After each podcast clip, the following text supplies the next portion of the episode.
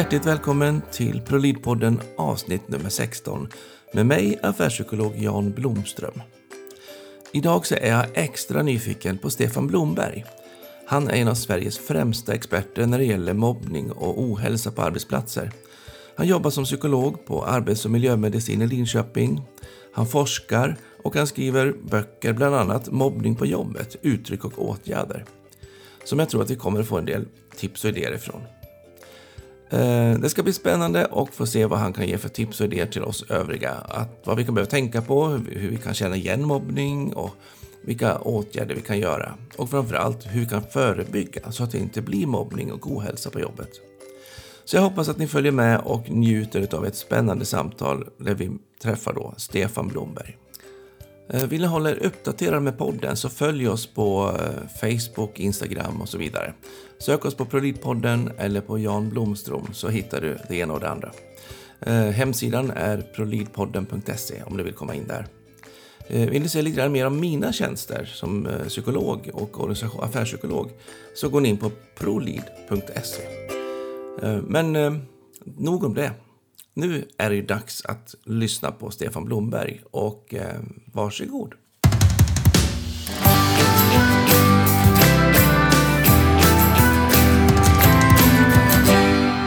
Okej, välkommen Stefan Blomberg till ProLid-podden. Tack.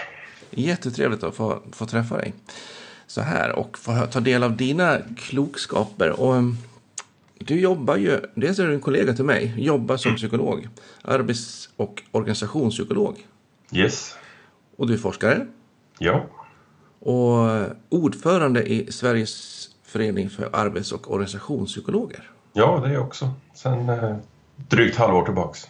Härligt, gratuleras. Är det samma förening som heter Psykologkonsultföreningen för massa år sedan? Eh, ja, så det har funnits två olika föreningar som har slagits ihop. Eh, och det är ju innan min tid. Eh, men, men eh, den du nämner där, här konsultföreningen, är en av dem. Då. Ja, som, där var som... jag ordförande för typ hundra år sedan. Ja, ja, det där. Ja, så jag har, har våra banor där. Ja. Och sen jobbar du på arbets och miljömedicin i Linköping. Mm. Och sen tycker jag det är jättespännande också, för du har skrivit en bok som verkar ha fått mycket, mycket beröm och det är jag nyfiken på såklart. Mm. Mobbning på jobbet, uttryck och åtgärder. Ja. Släppte du förra året? Eh, nej, den kom eh, i februari i år. Februari i år, okej. Okay. Ja, precis. Så början på året ja. kom den från tryckeriet. Härligt. Har det funkat bra? Ja, alltså... Har det varit alltså- kul att vara med bok? ja, jo, alltså det är en lång process. Verkligen. Det är en treårig process. Eh, där du var involverad i början av den processen eh, lite grann på ett hörn. Uh, och, och, och sen landade det här då i, i, i våras. Så det, det, är ju det är många stadier i att skapa en bok. Mm. Uh, och, och, när det då också, när vi insåg efter ungefär ett år att det skulle bli en lärobok dessutom med allt vad det innebär. Ja. Man måste vara uppdaterad med forskningen och varenda påstående ska ha en referens. då, då, när vi liksom tog det klivet att, att bestämde oss för att ja, men vi, vi, vi, eh, vi tar verkligen det steget att göra den till en lärobok också, då, då, då, då blir det ju en, en, en ganska liksom, eh, tuff process bitvis men, men också eh, alltså, man får ju chansen att själv lära sig så mycket under en sån resa. Ja, verkligen förkovra sig, egen. Ja, man får fördjupa sig i så oerhört mycket och sen blir det ett urval i vad som ska vara med då, men man, man läser ju på så mycket bredare än det som behövs för boken. Ja. Uh, och, och, och sen att strukturera materialet. Och, och det, är ju, det är ju en jättejobbig process när det bara är ett enda stort kaos och man vet inte hur man ska liksom strukturera på bästa sätt. Men sen när man liksom förstår hur den ska liksom struktureras upp då är det en jättebefrielse och sen är skrivandet en ren fröjd under en lång stund tills folk börjar liksom peta i det. Sådana som, som, som har rätten att, att, eh, att peta i materialet och så får man liksom vara nej, nej och så får man liksom... Peta i din bebis. ja, men precis. Och, och, och, och sen var jag jättebefriad när jag då liksom äntligen lämnade ifrån mig ett manus och sen kom i språkgranskningen och gisses. Ja. Det, det, var ju också en process att gå igenom. Det bara börja om igen. ja, nej, men exakt gå igenom hela materialet en gång till och, och justera. eh, liksom det språkliga uttrycket i den. Då. Eh, så, så, att det är må många olika steg och, och det är en fascinerande resa, verkligen. Kul. Alltså jag tycker, jag har skrivit några böcker också och just det med det går som att gå tillbaka till studietiden. Att verkligen få sitta på läsesalen och bara frossa mm. i något ämne man är intresserad av. Mm. Det fick mig, ge mig ståpäls liksom när jag var student mm. och, och det får ge mig ståpäls när jag skriver böckerna också. Mm. Och mitt lilla hörn var att jag läste ditt manus. Jag tog mm. del av det i ganska tidigt skede. Så de som lyssnar kan få höra det. uh, du, jag eh, är då lite nyfiken utifrån rollen som chef och ledare framför allt. Och vad är det de behöver veta om mobbning? Vad är det och vad skiljer mobbning från vanlig konflikt och tjafs? Och... Mm. vad handlar det här om? Ja, alltså det, det som skiljer ut mobbning från vanliga konflikter eh, det är ju att i, i en mobbningssituation där är eh, någon part i ett kraftigt underläge. Mm. Eh, för det är, det är en del av själva definitionen av mobbning, att den som är utsatt är i ett sådant underläge att man har svårt att försvara sig. Mm. Och när man är i ett sådant läge att man, man, man känner att man har svårt att försvara sig mot någonting som pågår återkommande, upprepat och så vidare, då, då skapar det också en, en, en uh, utsatthet och en upplevelse som, som präglar också den, den utsattes reaktioner och sätt att agera. Mm. Uh, och det, och det, det, det, påverkar dynamiken i samspelet mellan parterna. Att det finns en som, som, som upplever den här utsattheten och, och efterhand i regel också en, en maktlöshet att vad man än gör så hjälper det inte och när man försöker att lösa det så blir det istället värre. Mm. Eh, och, och, och, det gör att, att man har att göra med människor som, som eh, i regel är ganska rädda och, och kan agera och reagera på sätt som, som utomstående kan tycka är, är lite konstigt. Men, men det, det, det, det, drivs av den här maktlösheten. Ja.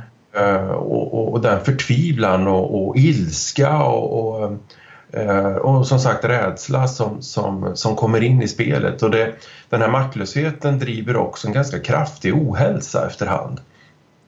På vilket sätt då, tänker du? Jo, alltså det finns ju ett begrepp eh, alltså, inom depressionsforskningen, inlärd hjälplöshet. Att när, när man känner sig hjälplös och maktlös så, så, så påverkar det oss på djupet vi är vana vid att kunna lösa situationer vi är i. Vi, vi, vi är vana vid att de redskap som vi har till hands och handlingsmetoder och så vidare, att de fungerar. Mm. Eh, det är sånt vi har lärt oss genom livet att, att äh, agerar jag så här då händer detta. Mm. Det, finns en orsak som man... ja, alltså det, det, finns en logik i hur världen fungerar. Mm. Och när den logiken helt plötsligt fallerar så vad jag än gör så funkar det inte. Eller när jag, när jag tycker att jag gör någonting vettigt så får det en motsatt effekt efterhand så, så börjar folk tro att de är tokiga. Ja. Uh, och, och, och, känner inte igen sig själva, sina reaktioner, sina upplevelser och i regel så, så, så är det ganska kraftfull drivkraft in i depression. Mm. Uh, och, och, för dem som då... Ja, för man tappar ju hela referensramen där tänker jag. Ja, man tappar he hela liksom förståelsen över hur världen fungerar och också tilltron till sig själv som, som en människa som kan lösa saker. Mm. Eh, och, och, eh, ganska ofta så får det också re, rena traumatiska effekter. För man, man, man tappar tron på sig själv och, och, och eh, Många beskriver att de känner inte igen sig själva längre. Att, att eh, de, ja, men tidigare var jag en, en handlingskraftig, social, utåtriktad person men numera så litar jag inte på människor längre. Världen är inte, fungerar inte som jag trodde att den fungerar. Och, och det här blir, alltså folk tappar bort sig själva och, och och då får det ju en stor spridning också, tänker jag. Även om, om mobbningen är på en arbetsplats så, så borde mm. det slå ut över alla områden i tillvaron. Ja, alltså det, det blir en spridningseffekt eh, för att man är på jobbet en så pass stor del av tiden. Och när det helt plötsligt inte fungerar så börjar man också grubbla på fritiden eh, och sover dåligt eh, mm. och diskuterar frågan med, sin, med, sina nära och kära och drar in vännerna i det. Och, och, och, risken är att, man, man, att folk runt omkring tycker att man börjar bli, bli jobbig och bara pratar om samma sak hela tiden och ältar och, och, och, eh, och sen så själv så, så tappar man tilltron till att människor vill en väl. Mm. Eh, och, och, i många fall så, så, så rasar hela livssituationen och Eh, och det, det, bidrar ju också till att, att människor mår oerhört dåligt. Mm. Och tyvärr är ju självmord inte helt ovanligt i de här processerna. Nej, det har jag förstått också. Mm. Det är en kamp på verkligen liv och död. Rent fysiskt också, ja. men även psykologiskt. Att, ja. att få ha en existensberättigande som individ kvar. Ja. Och, och, det är starka krafter, absolut. Ja, det är verkligen. Och om man dessutom då kanske har ett jobb där, man inte, där det inte är jättelätt att få ett nytt jobb. Mm. Eh, så, så, så blir det ju också en, en eh, situation där kanske hela liksom, privatekonomin ligger i vågskålen. Och, Eh, man är rädd för att förlora sitt jobb och man, man, egentligen kanske man inser att jag borde byta jobb för det här är ett ställe som inte jag mår bra av men man kan inte byta. Det är inte så lätt att bara liksom Nej, sen, Och sen tänker jag rent den här känslomässiga sidan också att har man väl kommit, alltså är man tidigt i processen då kanske man har kraft nog och tron mm. på sig själv. Men har man då avlärt sig som du säger eh, avlärt sig all tro på att man kan påverka och göra någonting. Mm. Men hur ska jag då ens kunna ta mig därifrån när inte jag ens kan gå och sätta på kaffe liksom? Ja, nej, men det är många som säger det att ja, men jag, nu, nu förstår jag verkligen att jag, jag borde byta jobb men jag, har, alltså, jag, jag, jag törs inte sätta mig i en anställningsintervju. Uh, för jag, jag, jag liksom, ingenting funkar ju längre och, och jag, jag kommer börja gråta i den här intervjun när de frågar mig vad jag gör nu. Och varför jag vara anställningsbar liksom? Jobb. Alltså jag, jag, jag klarar inte av att ens söka ett nytt jobb. Jag har tappat den förmågan. Mm. Uh, så därför brukar jag beskriva det att, att uh, är man i en situation där man känner sig utsatt och det fortfarande är tidigt i processen då, då, då är det några kontrollfrågor man ska ställa sig. Mm. Och det ena är, är eh, vad, vad är det för typ av arbetsgivare jag är hos? Alltså finns det en, en historik av att man har hanterat den här typen av frågor på ett bra sätt? Mm. Eh, och är det en arbetsgivare som brukar ta den här typen av frågeställningar på allvar? Mm. Och är svaret på de frågorna nej, Eh, då är det bäst att ta sig därifrån. Medan man fortfarande orkar? Medan man fortfarande har kraften kvar och tron på sig själv kvar. Eh, så, så, att när man fortfarande har hälsan hyfsat i behåll, att, att sticka redan då. Mm. Inte vänta för länge. För att det är inte värt att riskera sin hälsa för, för, ett, eh, för ett jobb. När man kommer i, när man är i den fasen, och om man söker hjälp hos någon, eller stöd hos någon part då, vilken, vilken är det man vänder sig till då? När man liksom inte ja, är för dålig än? Man, man, kan vända sig till lite olika eh, parter för att få stöd. Det viktiga är att man får stöd någonstans. Ja, jag tänker lite också, eh. vilken är det som säger att ja, men sluta nu, ja. liksom, gå hem ja. fort? Nej, är det liksom alltså, HR-avdelningen eller? Ja, alltså HR är ju, om man är på ett större företag och det, det finns en HR eller personalavdelning så är det natur, en naturlig instans att vända sig till. Mm. Eh, och hur de reagerar visar ju liksom hur, hur mogen organisationen är. Eh, för att normalt sett så ska ju Alltså om man har ett välfungerande system så ska HR ha en förberedelse på hur man hanterar människor som är utsatta för övergrepp i organisationen. För mm. mobbning är ett övergrepp. Mm.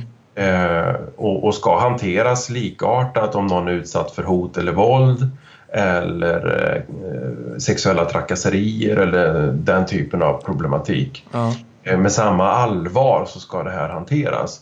Men, men, om man då bemöts med att ja, men, eh, det här är ingenting vi tar du får gå och prata med din närmsta chef. Ja men det är ju chefen som utsätter mig. Ja men det är vårt system, du ska prata med din närmsta chef. Okej, okay, då har vi fel, fel typ av organisation, det kommer inte fungera. Nej. Eh, nu händer det saker här. Eh, det är ju så med Mac, det är mm. Allting. Så nu när telefon, trots att telefonen var tyst så, så, så, så, så börjar inte datorn där. Ja, så börjar datorn reagera för att det ringde.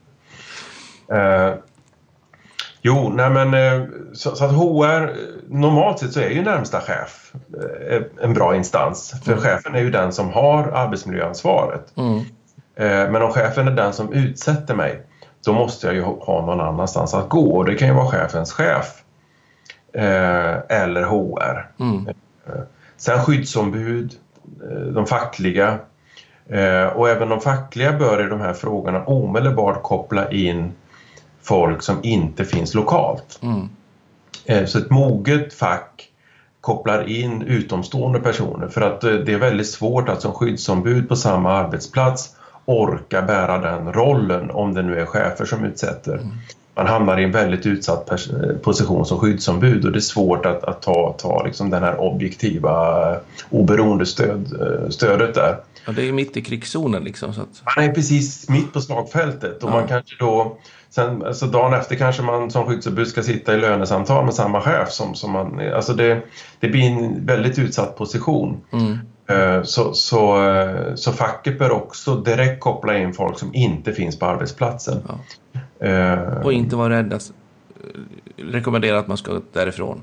Ja, nej precis. Alltså, uh, och sen har vi företagshälsovården är också en, en part. Mm. Uh, och, och mogna arbetsgivare i de här frågorna de, de har ju sett till att ja, man kommer den här typen av frågeställningar upp på bordet då, då, då har man rätt att få, få liksom stöd från företagshälsovården utan en, en beställning, specifik beställning med avrapporteringsplikt. Liksom, eh, ja. för, för, att det är ofta så med företagshälsovården att, att det är först när arbetsgivaren beställer och så är arbetsgivaren får en rapport tillbaka och allt det här. och, och och det blir jättesvårt om man så då... går det tillbaka till den som man blir utsatt av? Ja men exakt, om det då är närmsta chefen då är det han eller hon som ska vara beställaren och så ska de få rapport tillbaka och, och då, då törs man inte gå till företagshälsovården heller. Nej. Men då har man formulerat det som en sorts skyddslina, livlina liksom? Ja. ja. Nödutgång eller vad man kan säga. Precis. Um... Och det borde ju vara viktigt. Jag tänker på många mindre företag också. Att man att man gärna har någon sån här reservnödutgång, nödbroms ja. liksom. Jo, för är man inte ett stort företag med en egen HR-avdelning där man kan liksom tillsätta ett par personer som specialbevakar den här typen av svåra frågor då, då, då ska man ju ta hjälp av företagshälsovården. Det, och det står ju till och med i lagen att, att, att det är den vägen man ska gå. Att när man själv inte har tillräcklig kompetens i frågorna då ska man vända sig till företagshälsovården.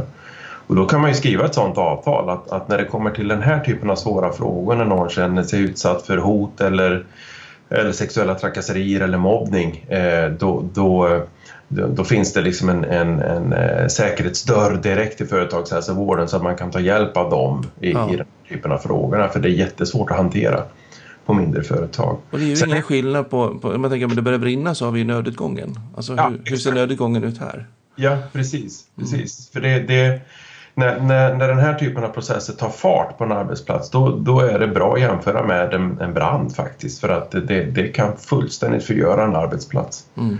Eh, inte bara den eller de få personerna som är direkt involverade utan även hela arbetsplatsens eh, tillit, förtroende, samarbete. Allt det här kan totalt raseras mm. och kostnaderna både liksom mänskligt men också ekonomiskt kan vara gigantiska. Ja. Och det här är ju inte något skräckfilmscenario utan det här ja. händer ju lite då och då. Ja, det gör det ju. Som tur är så är de allra värsta fallen inte jättevanliga. Eh, men, men, statistiken som vi har eh, ser ganska, är ganska tydlig. Vi har, vi har liksom en övre, övre tratt mm. Eh, där vi har ungefär 400 000 människor som, som är, känner sig utsatta på något sätt under senaste året och det, det är ju de som är i riskzonen. Ja för att det här ska liksom gå illa men, men de, de har börjat känna sig utsatta på något sätt.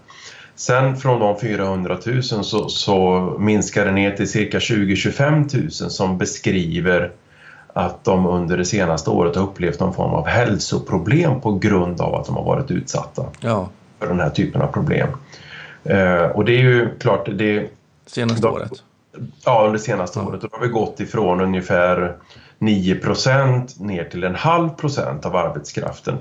Men en halv procent, som sagt, det, det rör sig om 20-25 000 människor. Det är mellansvensk stad. Ja, precis. Som varje år upplever hälsoproblem på grund av det här. Då. Eh, och sen så är det ungefär 10 000 per år som blir eh, rejält långtidssjukskrivna av de här typerna av problem. Mm.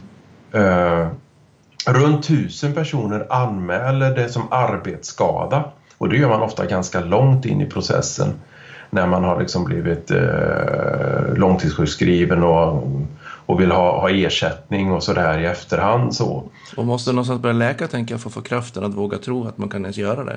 Ja, ja. Och, och, och sen så runt 100 personer per år tror vi tar livet av sig. Ja. Eh, så, så um, och det, det, finns i en statlig utredning från, redan från 99 så angav man att mellan 100 och 300 personer per år tar livet av sig på grund av de här problemen. Mm. Jag, I mitt uppdrag, när jag är ute och träffar kunder också, så jag har ju stött på ett antal som också har tagit livet av sig. Så det, det, jag märker ju också att det verkligen finns. Så att Mm, Jag ja. håller ju med. Mm. Jätteilla och det är starka, starka krafter och, ja, det är det. och så. Men, men kan alla bli mobbade? Och kan alla bli mobbare? Ja, men börja med den första frågan. Alla kan bli mobbade. Ja. Eh, om man har otur och befinner sig i ett, i ett sammanhang som inte fungerar som det ska. Mm. Eh, och jag möter ju människor även kliniskt. Alltså I mitt jobb på arbets och miljömedicin så utreder jag ju om människor har blivit skadade av sin arbetsmiljö och då träffar jag ju rätt många som har blivit mobbade. Mm. Och majoriteten av dem det är personer som säger att jag trodde aldrig att det här skulle kunna hända mig. Nej. Eh, Det är personer som har haft ett lyckat, framgångsrikt arbetsliv. Eh, som är duktiga, drivna och, har haft lätt, att få jobb. Men så hamnar de på en arbetsplats där deras styrka och förmåga inte uppskattas utan ses som ett hot. Ja. Eh, Så ju vara mer styrka, desto mer hot blir det ju då. Precis. Så, så, eh, så att vara en duktig medarbetare, en duktig liksom, eh, driven konsult eller vad det nu än är eh, kan vara det som gör att man blir utsatt för någon annan känner sig hotad av min duktighet. Mm. Den traditionella, klassiska äh, vet du, blompedestal. Ju högre pedestal, desto högre Ja, fallet. Ja, precis, precis. Mm. Och hamnar man då i en organisation med en eh, chef eller en informell chef eller ett sammanhang där det här inte uppskattas så kan man bli utsatt. Så det, det, det, det kan vara en mängd olika saker som gör att just jag blir utsatt. Mm. Och har jag otur så kan precis vem som helst eh, bli. Och, det, och, och det kan vara en banal sak. Eh, som att, eh, att vara man en, på en kvinnodominerad arbetsplats eller tvärtom. Mm. Eller att vara, ha fel ålder, fel ideologi, eh, att man ser annorlunda. Alltså det, det kan vara precis vad som helst. Mm. Eh, så, så att vem som helst kan faktiskt bli utsatt om man har otur och det är ett sammanhang som inte är bra. Ja. Sen om, om alla kan bli mobbare, det, det, är en annan det är en intressant fråga där vi inte har säkra svar från forskningen. Nej. Det är svårt att forska på förövare för det är inte så många som liksom frivilligt anmäler sig och säger ja, men jag är en förövare, jag ställer gärna upp på den här forskningen. Så att, alltså, vi får lite dåligt urval när vi försöker Det skulle forska. varit intressant att ge ett försök. Ja, exakt.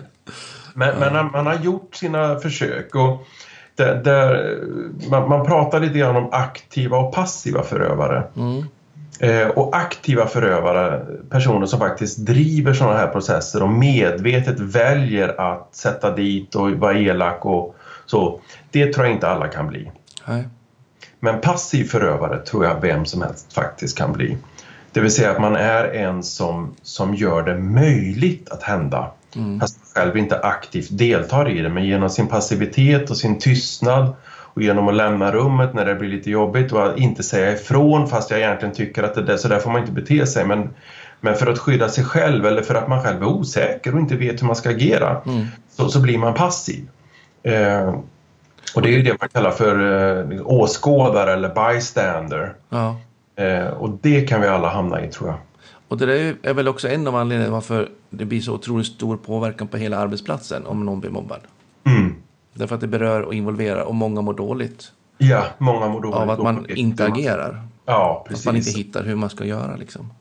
Och, och, och om det då är så att, att man också vet att om jag skulle ställa mig på, säg nu, vi kallar Kalle, säg Kalle då är utsatt.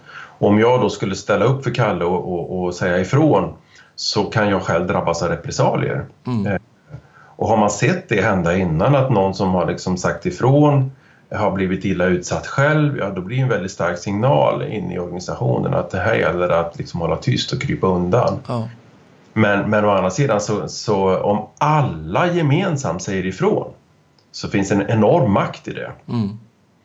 Eh, Men tyvärr är det ju så att många utsatta beskriver att en av de största besvikelserna det är vännernas svek. Mm. De som jag trodde stöttade mig och som sa att de stöttade mig men som sen faktiskt inte gjorde någonting. Eh, och som, som inte vågade säga ifrån. Eh, det, det, det sveket är det många som, som beskriver som väldigt, väldigt svårt. Det där märkte jag mycket också när jag jobbade med, med hjärnskadade patienter en gång i, i tiden. Mm. Eh, så, så, så när man råkar ut för en skallolycka så då, då är de första gängen av kompisar som är där första veckorna. Sen yeah. man märker att de inte blir som vanligt igen eller inte blir friska på en gång, så då försvinner de. Yeah. Så inom ett år så är det nästan helt vakuum på alla de här som man verkligen trodde var de verkligen närmaste vännerna som ska hålla ja. vått och torrt. Ja. Men de bygger ju på att man, man, man mår bra och då funkar relationen. Ja. När man hamnar i ett skadeläge eller en dålig situation, då, då mäktar de ju inte med det. Mm. Och sen smyger det fram oftast någon långt ut i skuggan som bara kliver fram och blir den stöttepelaren som ja. Är jätte, som man aldrig kunnat tro, men den står alltid kvar. Ja, men jag... coolt att se rent observationsmässigt, men mm. det är ju ett trauma för de som är mitt i det. Ja. Nej, alltså jag har, har ett, ett, ett, exempel som jag själv har följt, en, en arbetsplats där en, en person blev utsatt, en väldigt stark drivande person som upplevdes som ett hot av både chefer och vissa medarbetare och, och blev ganska rejält utsatt. Mm. Eh, och, och, isolerades men det var en person som inte var en god vän eller så men en person som tyckte att men så här får det bara inte gå till som klev in mm. och, och, och markera och, tog den utsatta personens parti mm. i det för att skydda. Men eh, då drabbades han av enorma repressalier. Mm. Eh, och när, när den utsatta personen själv lyckades ta sig därifrån medan den som hade ställt upp eh, blev kvar mm. Så var det honom som de gav sig på istället sen. Så nu, han är kvar på arbetsplatsen. Den första utsatte har tagit sig därifrån men den, den stöttepelaren som hjälpte till, han blev kvar. Och nu är det han som är ensam och utsatt. De brukar ju göra sådana Hollywoodproduktioner där man ska åka och rescue någon som sitter mm. fast i någon fiendeland. Ja, just det. Kanske ska göra en Hollywoodproduktion med det här. Åka in och lyfta ut dem och kidnappa dem ja, och ta med dem ur därifrån. Ja, precis. precis. Eh, rescue operation. Det, är, det handlar ju om starka krafter, absolut. Men, men hur kan man göra för att förebygga? Tycker du som chef? Vad bör man tänka på som chef och ledare framför allt? Mm. I det läget? Eh, alltså det, det finns jag brukar prata om att, att, att bygga robusta organisationer. Mm. Och så, så, fokuserar vi på att vi ska ge stresshantering och så till individer och, och man ska, att individer ska reagera korrekt och sådär. Men det är mycket bättre att lägga resurserna på att bygga en, en robust och stabil organisation och då är, då är det tre delar som jag skulle vilja fokusera på. Mm eller kanske fyra. Eh, men, ja, eller fem. Alltså, det, det, var, var drar man gränsen? Men, men eh, den första delen är, är eh, tillit och förtroende. Ja. Eh, det här är ingen quick fix, men att jobba med tillit och förtroende eh, i organisationen som, som ett långsiktig kompassriktning. Att, att jag, I allt jag gör, allt, allt mitt agerande så ska det bidra till tillit och förtroende. För tillit och förtroende är ett grundfundament, det är oljan i motorn så att säga som gör att mm. allting går smidigare. Eh, och då törs vi också ha konflikter med varandra för att vi i grunden litar vi på varandra. Ja, att du vill mig gott i alla fall? Liksom. Ja, alltså i grunden vill du mig gott så att det, det, gör att jag kan säga att ja, men det där har inte jag med om. Eller, så det, det är inte farligt att kritisera varandra eller att inte vara överens. Nej. För i grunden litar vi på varandra. Som sagt, det här är ingenting man kan bara snabbt bestämma sig för. Nu, nu, ska, vi, nu ska vi impregnera organisationen med tillit. Mm. Men det, det, det, är liksom något att jobba, ett långsiktigt kompassmål hela tiden att jobba med tillit och förtroende. Mm. Eh, en annan del som, som man kan jobba dagligen med det är ordning och reda i organisationen. Mm. Ordning och reda när det gäller roller, befogenheter, ansvar, hur stödsystemen fungerar, hur information sprids, hur beslut fattas. Eh, ordning och reda istället för kaos och eh, oordning. Mm. Inte eh, heller någon quick fix. Tänker jag. Ingen quick fix, men, men, men, det är någonting som man, man ständigt kan bli, bli bättre på. Mm. Eh, så det, det, är ganska konkret att jobba med. Mm. Eh, för att vi vet att största riskfaktorn för mobbning när man tittar rent forskningsmässigt, det är rollkonflikter.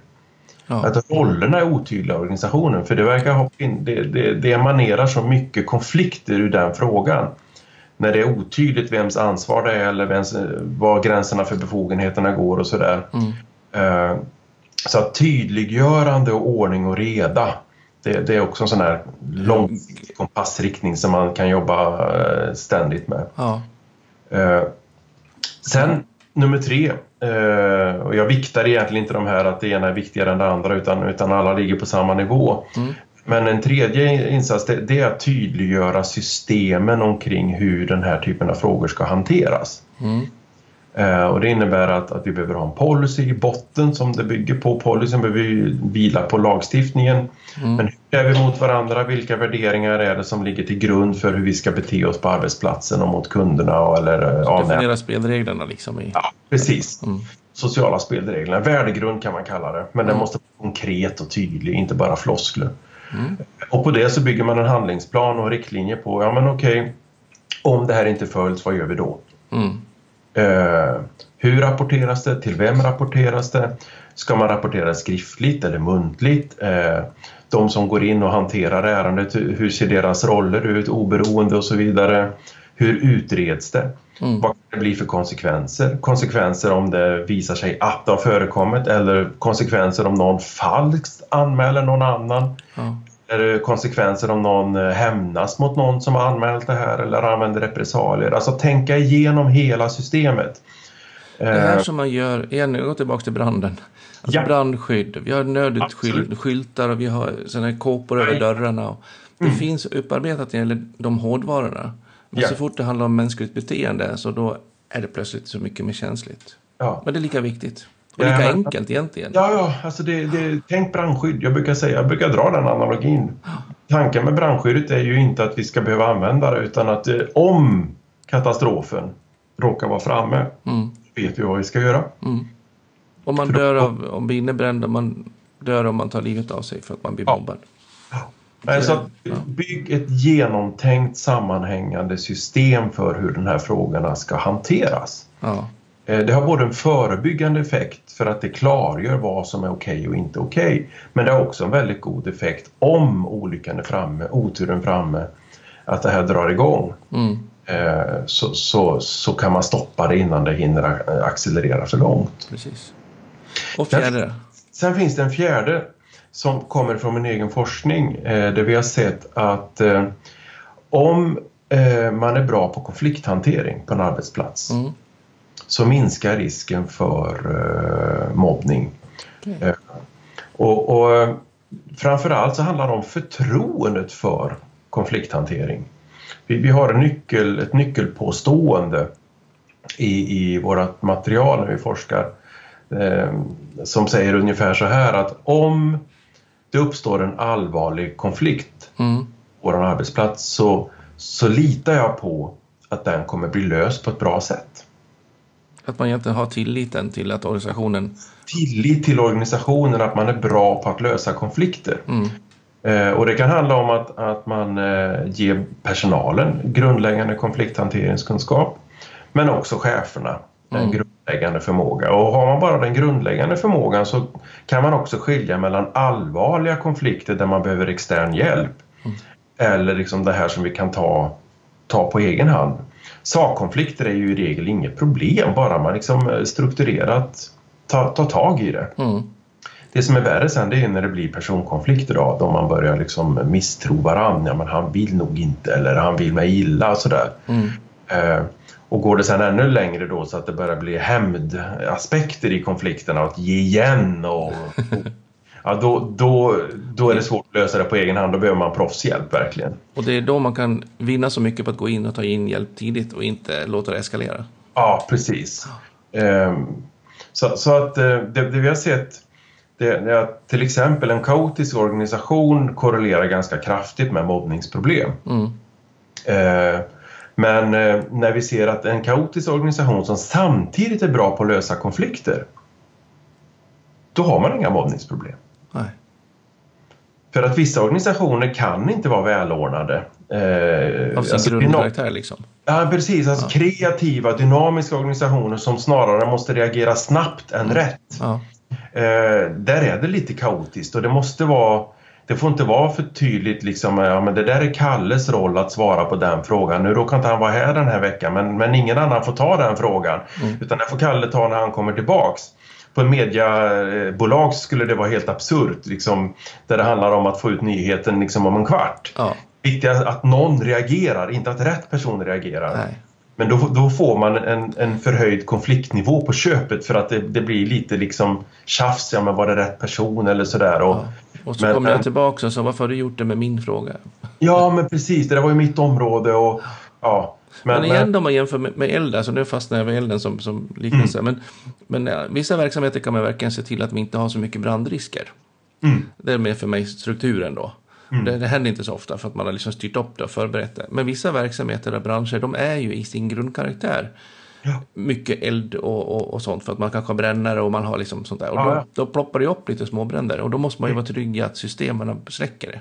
Ja, precis. Fångar upp det, alltså konflikten tidigt vi hanterar det. Ja.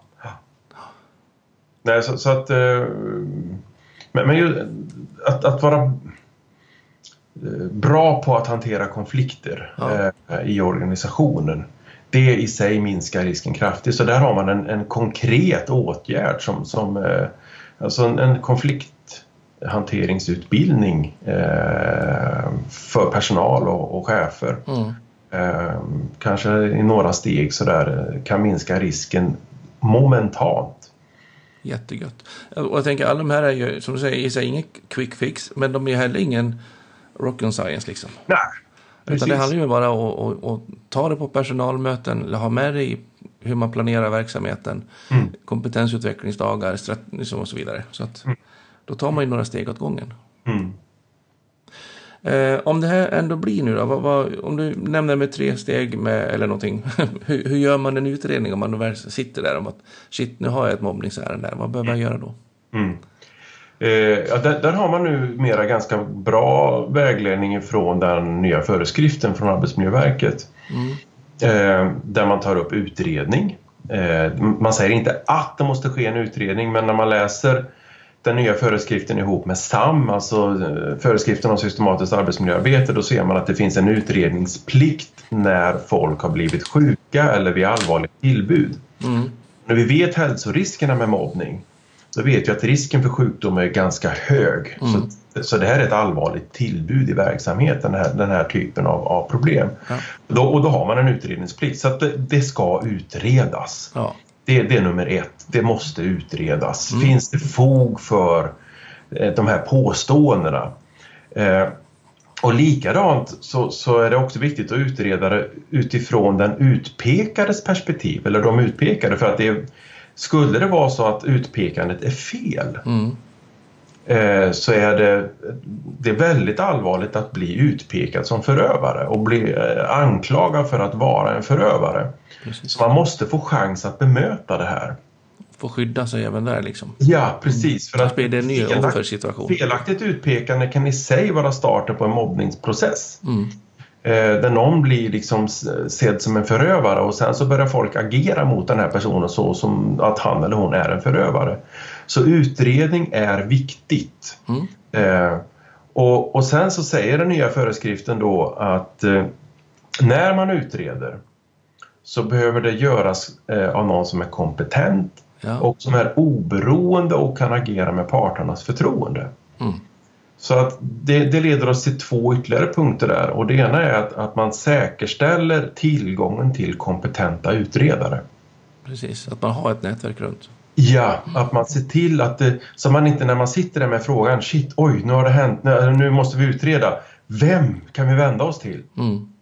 Eh, och så vet man inte det. Nej. Då är man liksom, då, då är det bråttom och, och, så här och då är det risk att man tar in någon som påstår sig kunna. Mm.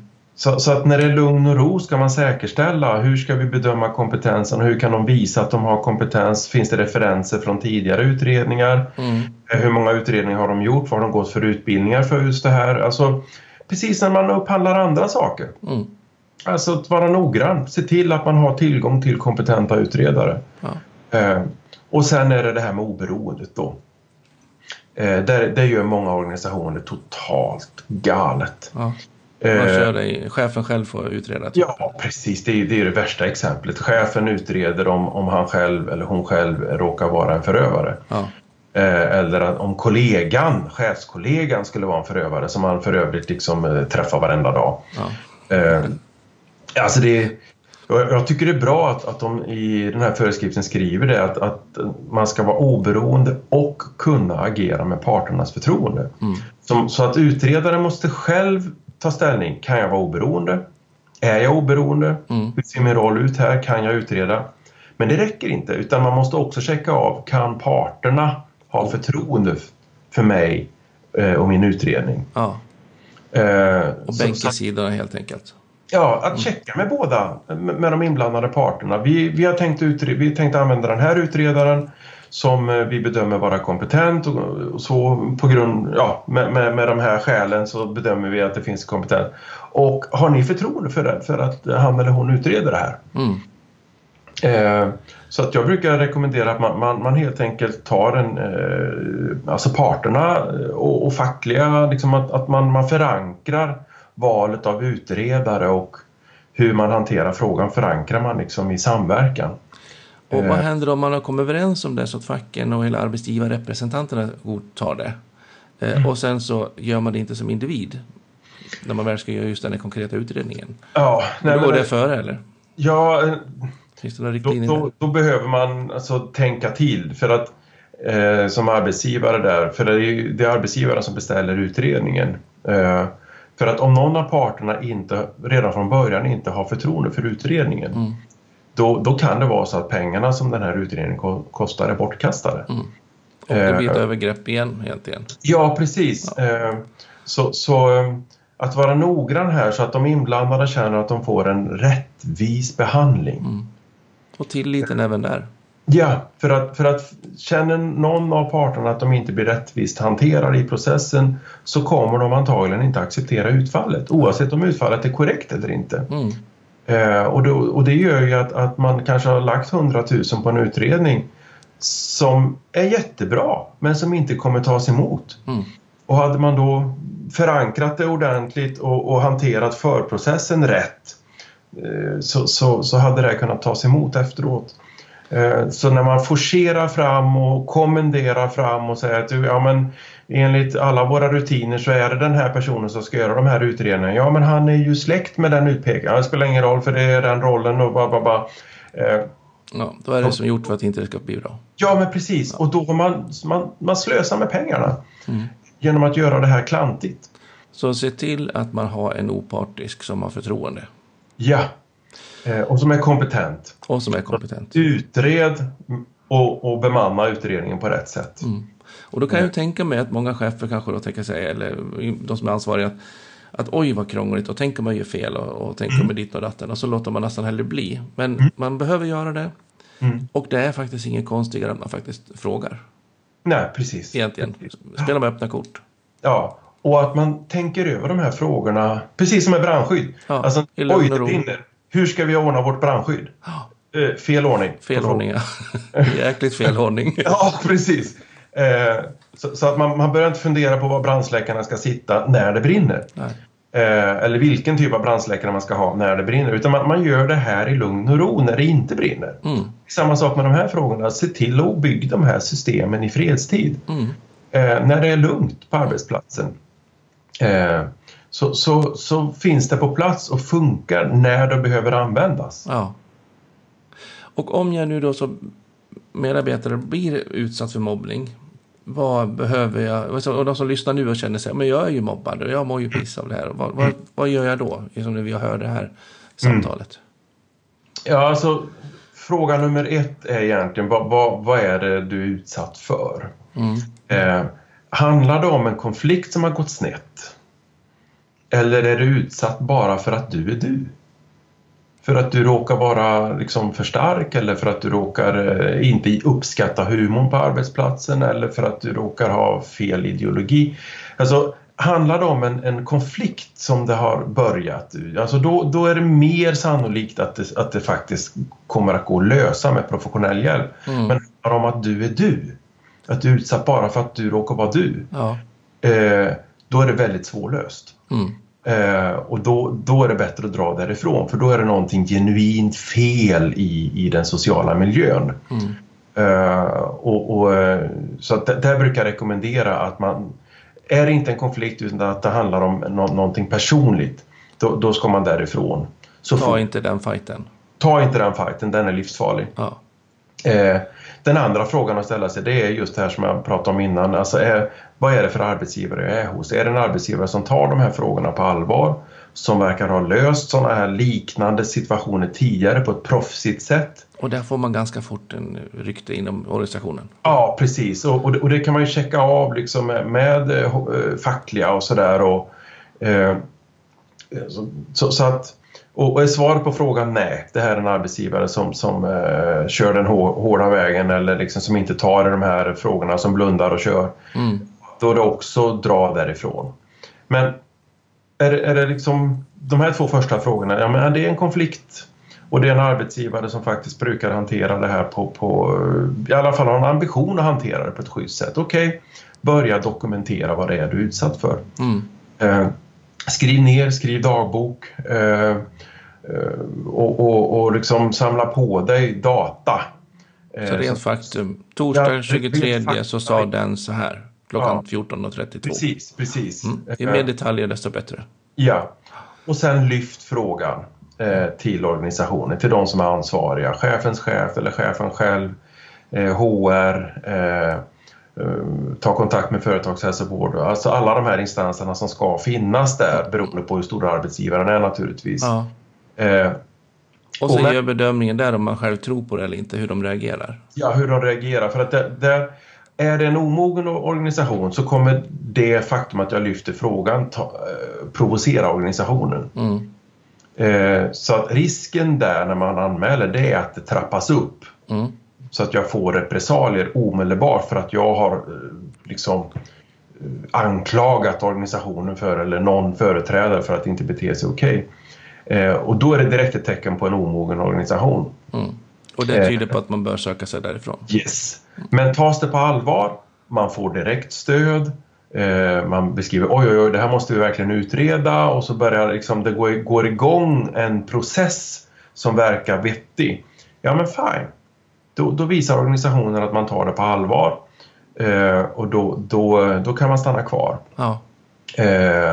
Eh, för då, då borde det finnas en rimlighet i att det blir löst. Sen, sen, sen behöver man ha det här, mentalt ha den här uh, dörren öppen för att dra därifrån om det finns möjlighet. För att uh, man vet inte hur det går längre ner uh, ut med vägen. Nej. men sen är det ju det här med, med alltså tar man, utreder man det ordentligt, man tar det här med oberoende på allvar och man, alltså alla de här frågorna vi har pratat om här, visar man från organisationens sida att det här tar vi på allvar, det här gör vi ordentligt, ja men då, då, borde det finnas en rimlig förhoppning att det här kan bli löst. Ja. Och då kan man jobba igenom det och ja. må bra igen och hitta tillbaka. Ja, precis. precis. Eh, sen kan det vara så att man kanske behöver flytta på sig, inte för att eh, Ja, liksom det, det, det, kan ju låta provocerande att jag som har varit utsatt behöver flytta på mig inom organisationen men ibland kan det vara så att man behöver helt enkelt komma i en miljö där man kan slappna av. Mm. För att gå och vara på spänn Eh, det, det, det, blir väldigt stressande över tid. Det tar enormt mycket energi. Mm. Eh, så där, där, pratar man ibland om, om eh, skyddsomplacering. Bara för att få läka? Ja, för att få vara i en lugn och trygg miljö och, och läka ihop. Ja. Och sen kan man gå ut igen på, ja. slagfältet, eller inte på slagfältet. Ja, men på... Så, och sen, sen, sen, sen, kan det ju vara så att det behöver bli andra typer av omplaceringar. Att, att det är någon faktiskt som har agerat väldigt olämpligt och, och, och och, inte bör vara kvar. Mm. Eh, precis som när det handlar om sexuella trakasserier. Liksom. Det, det, eh, det kan vara, vara så att en person behöver flytta på sig för man, man har faktiskt eh, agerat på ett väldigt olämpligt sätt. Mm. I vissa, vissa fall, vilket då är, inte är jättevanligt, men så kan det ju också bli fråga om att, att personen måste sluta. Ja. För att man har faktiskt överträtt liksom, eh, anställningsavtalets villkor ganska kraftfullt. Så, så att man, Som man, mobbare? Som mobbare, precis. precis.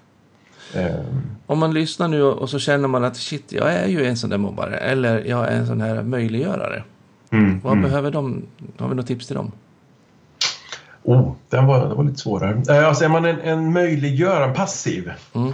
eh, sån här bystander eh, som, som ser men inte gör, så, så skulle jag rekommendera att man ser men gör. Eh, att man faktiskt börjar fundera på hur ska jag kunna bidra till att, att eh, det här inte fortlever.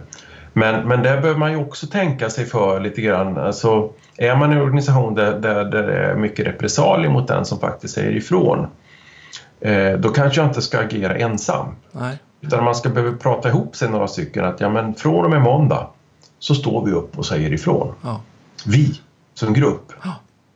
Och där Eh. kan man ju också få stöd från typ HR eller Jajamän. företagshälsovård och så, Ja, för att kunna ja. liksom mobilisera den kraften, tänker Ja, jag. precis. Att, att, att man som grupp, flera stycken säger nej men nu, nu är det nog alltså. Det, det, det, här, det här är inte okej. Ja. Eh, sen, sen som aktiv förövare, om man är en sån som Ja, då, då är ju mitt råd alltså lägg av. Sluta nu! Ja, sluta nu. Alltså det, du, du leker med, med, med elden, verkligen. Mm. Eh, Och de kan ju också få hjälp. Ja, alltså sök stöd, sök hjälp eh, för att, att eh, komma till rätta med den här typen av tendenser. I, att, för, alltså, I vissa fall så det, det kan finnas kan finnas en tillfredsställelse i att göra andra illa eller att det den egna makten, den egna karriären, den egna liksom framgången är så viktig att man kliver över andra. Mm. Men, men eh, förr eller senare kan sånt här slå tillbaka väldigt kraftfullt och, och, och då är det inte bara att man åker ner i ett pinnhål utan då kanske hela ens karriär raseras och man får sparken. Mm. Eh, Så att man leker, det är väldigt höga insatser. Och vill man ha människors liv på sitt samvete, för det är också det som ligger i den andra vågskålen. Mm. Precis. Och jag tänker, det är en skillnad kanske om man vill gå över lik för att liksom göra en karriär. Och, liksom, och, det, och det kan man ju göra med lite rufft sätt utan att egentligen mobba. Men, men sen de som faktiskt gör andra illa. Och där brukar man ju, om man tittar sig i spegeln så ser, känner man ju ibland det. Eh, att man kanske är åt det hållet lite mer. Och eh, då är det ju jättemöjligt att sätta, ringa och boka tid hos företagshälsovården eller någon och säga du, jag kanske är en sån där. Ja. Hjälp mig att förstå vad det handlar om. Mm. Och i vilka sam... För det är inte så att man är... Man är inte endimensionell. Nej. Jag är alltid en förövare, utan jag kanske har drag av det i vissa situationer. Ja. Så, så går jag över gränsen och det brukar man se, alltså eh, att de tendenserna finns. Mm. Eh, och då kanske man behöver lära sig att förstå att ja, men nu är jag på väg in, nu, nu, nu är det på väg en sån situation där, som är för mig en risksituation att jag liksom börjar agera på ett sätt som skadar andra. Eh, och och, och där, det, det, det är varken bra för andra eller- för en själv. Nej. Så- Eller att så- jag har fått en medarbetare som triggar vissa strängar hos mig som Jajamän. rör upp min eh, barndom eller vad det nu kan vara. För Ja, precis. Någon som påminner om, om den där hemska eh, kompisen på, från mellanstadiet eller Ja. min pappa eller eh, min mormor. Alltså, alltså det, det, det finns ju sådana där saker som vi har i hela vår liksom, historia där man har varit med om olika saker. Och vissa personer som dyker in i livet nu kan påminna om sånt och dra igång saker hos mig som jag liksom som, som, som jag kan ha svårt att, att hantera. Ja. ja, det här är allvarliga frågor. Du, eh, jättemycket kloka tips och idéer. Jag har en checkfråga på slutet. Mm. Eh, jag har förstått att du ska bli tv-kändis. Ja, Kan du berätta? Ja, just det. Eh, ja, men för, för ett och ett halvt år sedan gick det en tv-serie som hette Morgans mission. Mm. Det handlade om mobbning på, eh, i skolans värld. Där Morgan Alling eh, träffade en skolklass under en längre period och jobbade med de här frågorna. Mm. En serie som fick mycket uppmärksamhet. Eh, och nu kommer Morgans mission eh, säsong två Ja. eh, som då ska handla om mobbning i arbetslivet. Eh, och då är det återigen Morgan Alling som är eh, huvudperson och Ja. som träffar fyra olika arbetsplatser runt om i landet och jobbar med de här frågorna. ja. Och eh, jag finns med i tv-serien som Morgans coach och eh, bollplank. Okej. Eh, Så att han diskuterar med mig innan han går in på olika arbetsplatser och sådär. Utifrån vad som händer så, så kommer han till mig och så pratar vi om frågorna. Så jag finns med där på ett hörn i den tv-produktionen. Vad spännande. Och där kommer den ut på tv-rutan då? Den kommer i mars 2017? 2017, precis. Då får vi och- bänka oss.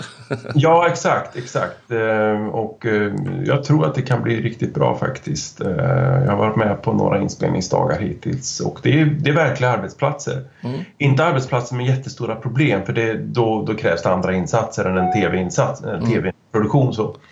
Eh, Men det är arbetsplatser som vill utvecklas i de här frågorna. Och det som jag, som jag ser den största styrkan är att faktiskt kommer ut och diskuteras och synliggörs. Bara som fenomen och, det är ett viktigt ämne. Mm. Och det gör ju att jag tycker det är otroligt kul att du var med som gäst här i ProLid-podden. Ja. Eh, om man vill få mer kontakt med dig, då, hur får man eh, kontakt med, med dig? Hur kommer man? Ja, eh, man kan eh, googla på arbets och miljö, miljömedicin i, på universitetssjukhuset i Linköping. Ja. Eh, och där finns det kontaktuppgifter eh, som man hittar där. Man kan ringa till, till oss också, arbets och miljömedicin i Linköping via landsting eller Region, Östergöt, Region Östergötlands eh, växel. ja. Blir kopplad till arbets och miljömedicin vid universitetssjukhuset i Linköping. Och då kan man prata med dig. Så då kan man få komma fram till mig så småningom. Ja. Jag, jag har, numera har jag telefontider och sådär för att eh, sista åren så har jag synts så mycket både i media och genom bok och sådär så att jag var tvungen att begränsa inflödet på telefonen Ja. lite grann för att eh, jag måste ju ha tid med både forskning och patienter och, och så. Det gäller att få livspusslet att gå ihop. Ja, exakt. Och eh, vill man inte gå den vägen så självklart så är det ju bara att läsa Mobbning på jobbet, uttryck och Absolut. åtgärder. Precis. Utgiven på Liber förlag va? Nej, Stud- studentlitteratur. ursäkta, studentlitteratur. Mm, precis. Ja, Eh, och det är bara att söka på Bokus eller Adlibris eller något liknande. ja. Eh, så, så finns det en lista där och det, eh, så det, det är bara att, att beställa. bara eller, eller den gå till biblioteket och låna den. Det går Ja. ju också. Jättespännande. Och vill ni följa mer på ProLid-podden så går ni in där på sociala medier och, och träffa, haka på där. Eller Jan Blomström finns också med på sociala medier. Så att, eh, följ oss gärna där också. Mm. Och eh, med det så önskar jag er alla lyssnare en riktigt bra fortsättning på dagen. Och eh, tusen tack till dig Stefan att vi fick lyssna på dina resonemang. Mm, tack så mycket. Kanon, tack.